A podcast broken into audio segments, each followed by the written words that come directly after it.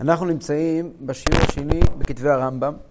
שיעור קודם דיברנו על ההיסטוריה של הרמב"ם, על תולדות חייו. היום אנחנו נזכור את הספרים שלו, נספר מהם הספרים שהוא כתב ולמה הוא כתב אותם, ובעזרת השם, בשיעור הבא נתחיל כבר ללמוד מתוכם. אז הרמב"ם היה לו תוכנית מאוד מאוד צלולה. כן, דיברנו על זה בשבוע שעבר. היה לו תוכנית מאוד מאוד צלולה, תוכנית צלולה, מה הוא רוצה מעצמו, ולאיפה הוא רוצה להתקדם ומה הוא רוצה מאיתנו. אז יש לו כמה וכמה ספרים שהוא כתב בצעירותו, אה, כמו ספר שנקרא אה, אה, מילות ההיגיון על פילוסופיה, או יש מכתב שהוא כתב, איגרת השמד, שהוא היה במרוקו, והזכרנו את זה שבוע שעבר. אבל ישנם סדרת ספרים, ארבעה ספרים ליתר דיוק, שהוא כתב מתוך תוכנית אחת מאוד מאוד ברורה. והספרים ש... שהוא כתב הם אה, חשובים, שעליהם אנחנו מדברים. ארבעה ספרים מאוד מאוד יסודיים. הספר הרביעי והאחרון הוא עניין בפני עצמו, זה מורה נבוכים, יהיה בפני עצמו. שלושת הספרים הראשונים שהוא כתב, העיקריים, הם בעצם שרשרת, הם, הם, הם, הם ספר שמביא ספר שמביא ספר. הספר הראשון שהוא התחיל לכתוב זה הספר שנקרא פירוש המשנה. מה זה פירוש המשנה? רבי יהודה הנשיא כתב משניות. כל תורה שבעל פה ויצק אותה לתוך משניות. וסיכם אותה בשישה סדרים, שישה סדרי משנה. אחרי המשנה נכתבו גמרא, נכתבו תוספתות, כל מיני ספרים אחרים שנכתבו על ידי תנאים לפרש את דברי המשנה, להרחיב אותה במקומות שהיא לא דיברה. עכשיו, אחרי זה נכתב הגמרא, נכתבו הרבה ספרים. התוכנית הארוכת טווח של הרמב"ם הייתה לכתוב את הספר העיקרי, מה שנקרא החיבור הגדול, משנה תורה. משנה תורה של הרמב"ם זה ספר שבו יש 14 חלקים, 14 מסכתות, אה, לא מסכתות, 14 סדרים. במקום שישה סדרי משנה של רבי יהודה הנשיא, הוא עושה 14 סדרי משנה. הוא כתב את 14? כן, ובתוך כל אחד מהם יש 83 לא? מסכתות. הוא עשה את זה, כן, זה פרויקט שאמור לקחת חיים פלוס כמה. צריכים, אה, הפרויקט כזה היום, אם מישהו היה יושב, זה עבודה של צוות של 60-70 איש לכל החיים. למשל, יש היום פרויקט שנקרא האנציקלופדיה התלמודית, התחילו לעבוד עליו בשנת 44, עד היום אוחזים בערך בחצי שלו. וזה פרויקט שמנסה לרכז את כל, וזה בכלל לא מתקרב לעבודה של הרמב"ם, שהייתה עבודה מושלמת בכל רמה שהיא, כפי שבעזרת השם נראה, אי אפשר בכלל להתחיל להבין כמה מושלם היה התוכנית של הרמב"ם. אבל... אי אפשר היה לחלוק עליו מבחינת הלכות, אלא מישהו שכמו רש"י או בן ישראל, או אפילו לא משהו שיותר ממנו, כאילו, זה היה... הרמב"ם... שלא היה, אי אפשר היה לעזור. זה לא רק זה, זה לא רק עניין של פסיקת הלכה. הרמב"ם, עניין של פסיקת הלכה אצל הרמב"ם הוא הפחות חשוב. לא זה העניין מה שהוא צריך לעשות, לא, לא זה מה שהיה החלום שלו. תחלקו עליי הלכתית, אין בעיה. הרמב"ם לא, לא... הנקודה בכלל לא הייתה פסק הלכה כמו מי. לא זו הנקודה. הרמב"ם כותב במכתב לתלמיד שלו, התלמיד העיקרי שלו, רבי יוסף בן יהודה, הוא כותב לו, ראיתי אומה בלא ספר מחוקק אמיתי.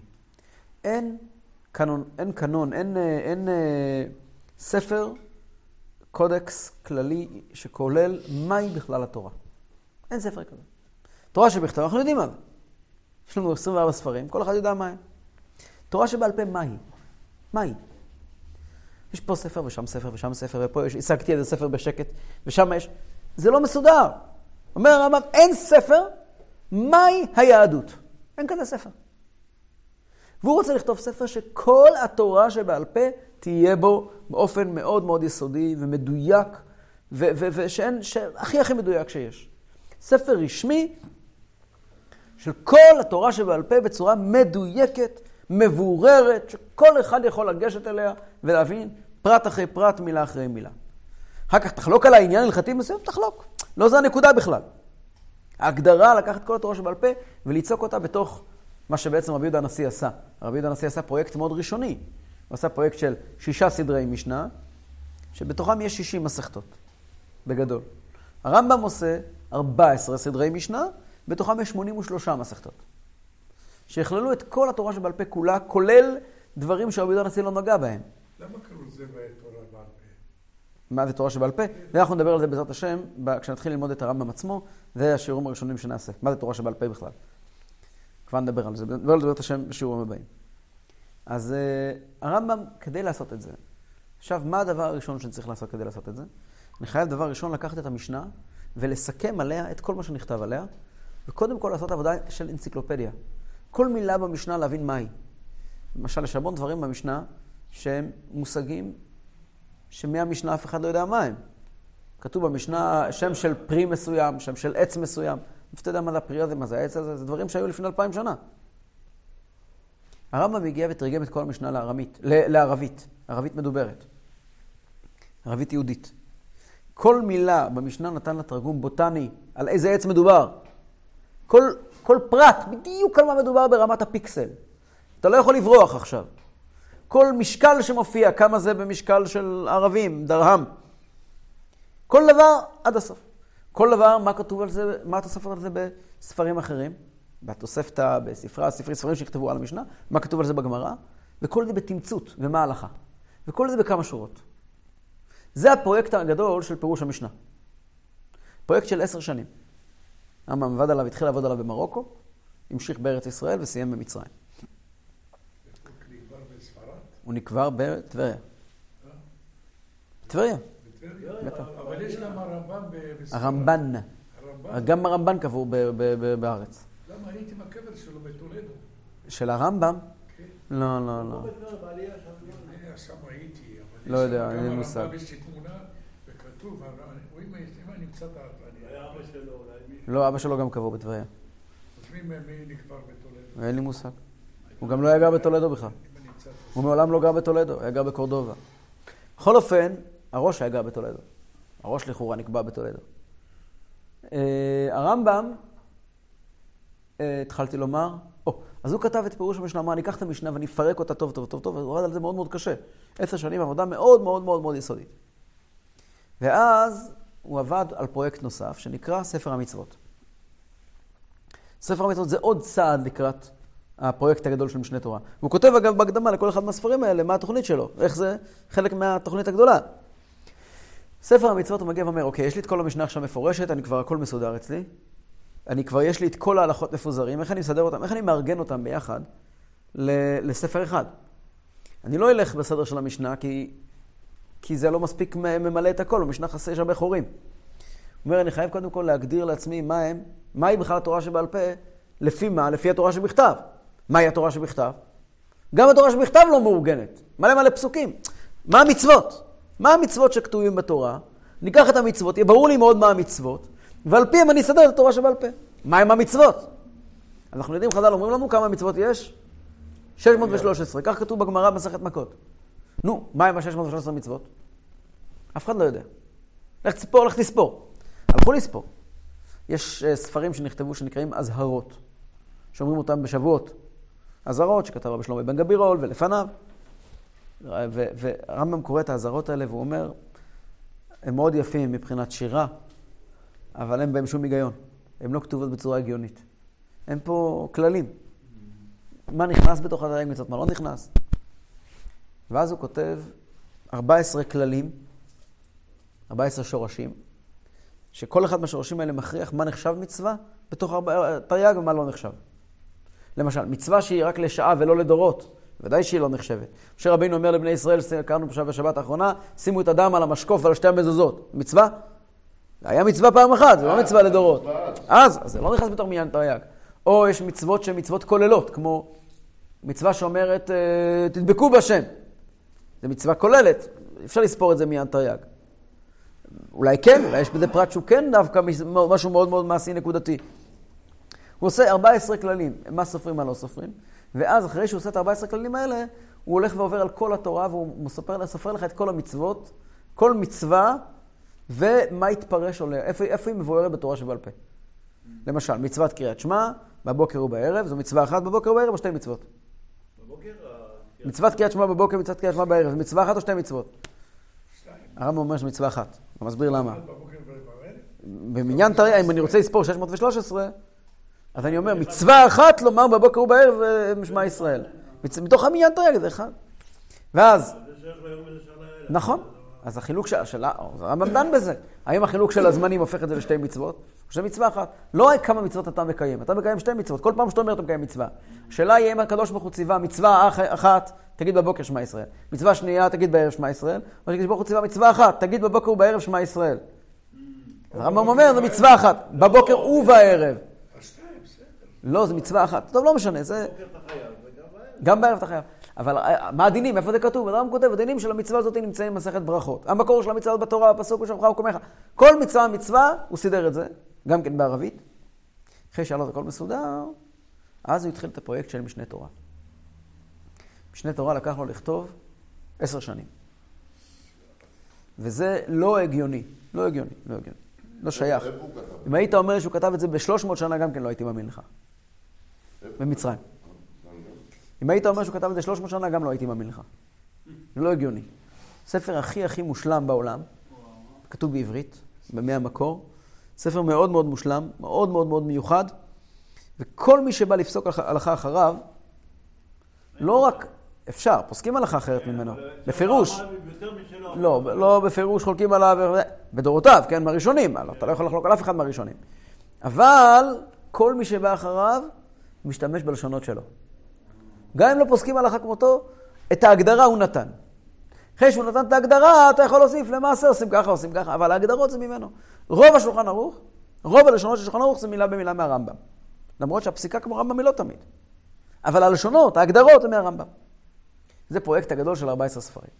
אבל מהשולחן ערוך זה בא הרוב מהמרן יוסף קארו. רבי יוסף קארו כתב, להסתגנן, לקח את הלשונות של הרמב"ם, ומהם הוא בנה... הרב עובדיה ולקח גם מהרב יוסף קארו. יש עוד הרבה אנשים באמצע שכתבו, לא רק הרב עובדיה. כן, זה... המון המון פוסקי הלכה.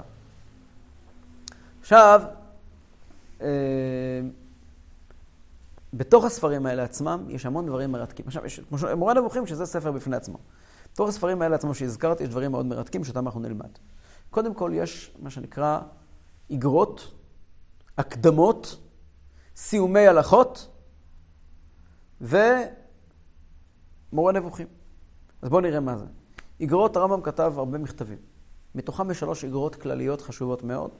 הראשונה נקראת איגרת השמד, שאותה הוא כתב כשהיה ב- במרוקו והיה אה, מוסלמים, קנאים שכפו על היהודים התנהגות שהיהודים לא רצו להתנהג, רצו להכריז על מוחמד כנביא וזה, והיה רב אחד שאמר להם שאוי ואבוי לכם, אתם לא בסדר, הרמב"ם כתב להם לנחם אותם, נקרא איגרת השמד, זה הוא כתב בצעירותו ממש.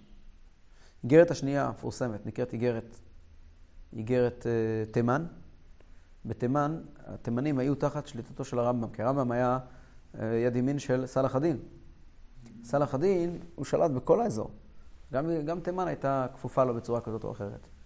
ויהודים בתימן היה להם הרבה מאוד סבל, הם כמעט נכחדו מעם ישראל. כמעט קרה להם, כמעט קרה להם מה שקרה לאתיופים. שהם לא היה להם שום מסורות, כמעט. זה- והרמב"ם ממש דאג להם, שלח להם ספרים, והם הפכו להיות רמב"מיסטים מובהקים ו- וחיילים של הרמב"ם.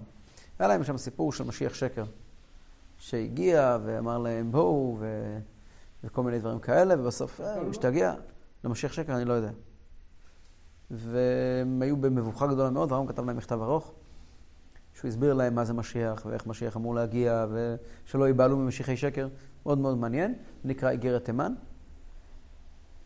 אה, באיגרת תימן, אה, איגרת תימן היא איגרת מאוד מאוד חשובה, והאיגרת השלישית נקראת איגרת תחיית המתים.